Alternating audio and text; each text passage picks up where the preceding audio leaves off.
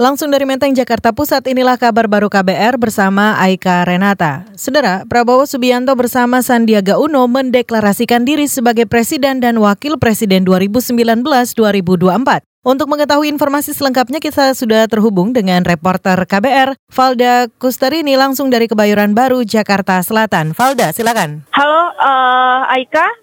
Saudara paslon nomor urut 2 Prabowo Subianto Sandiaga Uno mendeklarasikan diri sebagai Presiden dan Wakil Presiden 2019-2024. Deklarasi ini dilakukan Prabowo dan dihadiri juga oleh Sandiaga Uno di rumah sekaligus posko pemenangannya di Jalan Kertanegara Baru Jakarta Selatan sekitar pukul 5 sore tadi. Prabowo mengklaim kemenangannya itu berdasarkan hasil hitung cepat berbasis form C1 tip internal Badan Pemenangan Nasional sebesar 62 persen yang menolak hasil hitung cepat jumlah lembaga survei terakreditasi KPU yang memenangkan lawannya, Joko Widodo Ma'ruf Amin dengan jumlah suara sekitar 54 persen berbanding 46 persen. Prabowo mengaku mengantongi sejumlah bukti kecurangan pemilu yang merugikannya di berbagai daerah. Deklarasi tadi juga dihadiri oleh Ketua Dewan Kehormatan PAN Amin Rais, petinggi Badan Pemenangan Nasional Daniel Anzar dan Andre Rosiade, politikus PKS Salim Asegaf Al-Jufri, Neno Warisman, dan Rahmawati Soekarno Putri. Dari Jalan Negara, Kebayoran Baru Jakarta Selatan, Kustarini, KBR.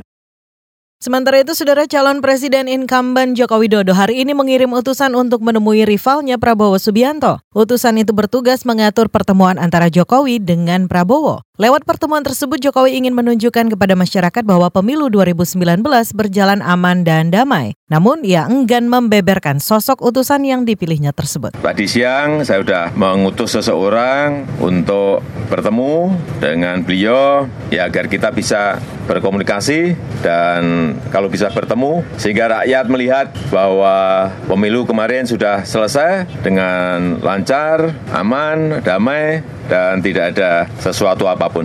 Iya, nanti setelah bertemu lah, nanti baru kita akan sampaikan. Bertemu saja belum. Joko Widodo memastikan persahabatannya dengan Prabowo dan Sandiaga Uno tak putus meski hasil hitung cepat menempatkannya bersama Ma'ruf Amin sebagai pemenang Pilpres. Jokowi kembali mengingatkan pendukungnya agar bersabar menunggu proses rekapitulasi suara dari KPU.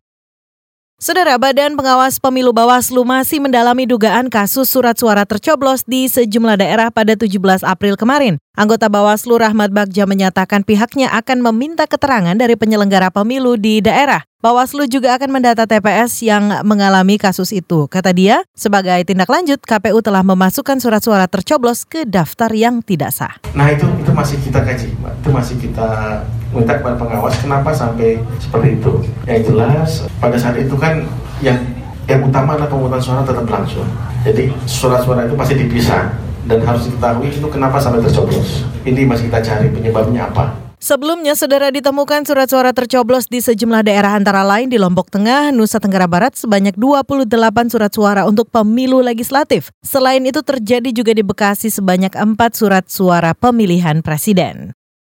Kita menuju ke NTB saudara warga NTB yang menjadi korban perdagangan manusia ke sejumlah negara Timur Tengah terus bertambah. Jumlahnya kini mencapai 500 orang atau melonjak tajam dari data sebelumnya sebanyak 200 orang. Angka itu merupakan akumulasi sejak 2015 hingga 2019 yang dilakukan oleh pelaku perdagangan manusia berinisial M dan F. Hal ini diungkapkan Kepala Dinas Tenaga Kerja dan Transmigrasi NTB Agus Patria. Berdasarkan pengakuan tersangka, di mana tersangkanya dua orang, inisial saja M, yang perempuan namanya M, yang laki F, Dua orang tersangka ini mengaku sejak dari tahun 2015 sampai dengan 2019 sudah mengirim 500 orang. Bahwa memang perlu dibentuk Satgas penanganan TPPU khusus bidang TKI itu dengan seluruh instansi terkait termasuk juga stakeholder lainnya seperti NGO. Kepala Disnaker Trans NTB Agus Patria menambahkan ada 10 korban yang belum sempat diberangkatkan. Mereka masih berada di Jakarta untuk dimintai keterangan oleh Baris Krim Polri. Dua pelaku tersebut diketahui akan menyelundupkan orang-orang itu ke sejumlah negara seperti Suriah, Arab Saudi, dan Turki.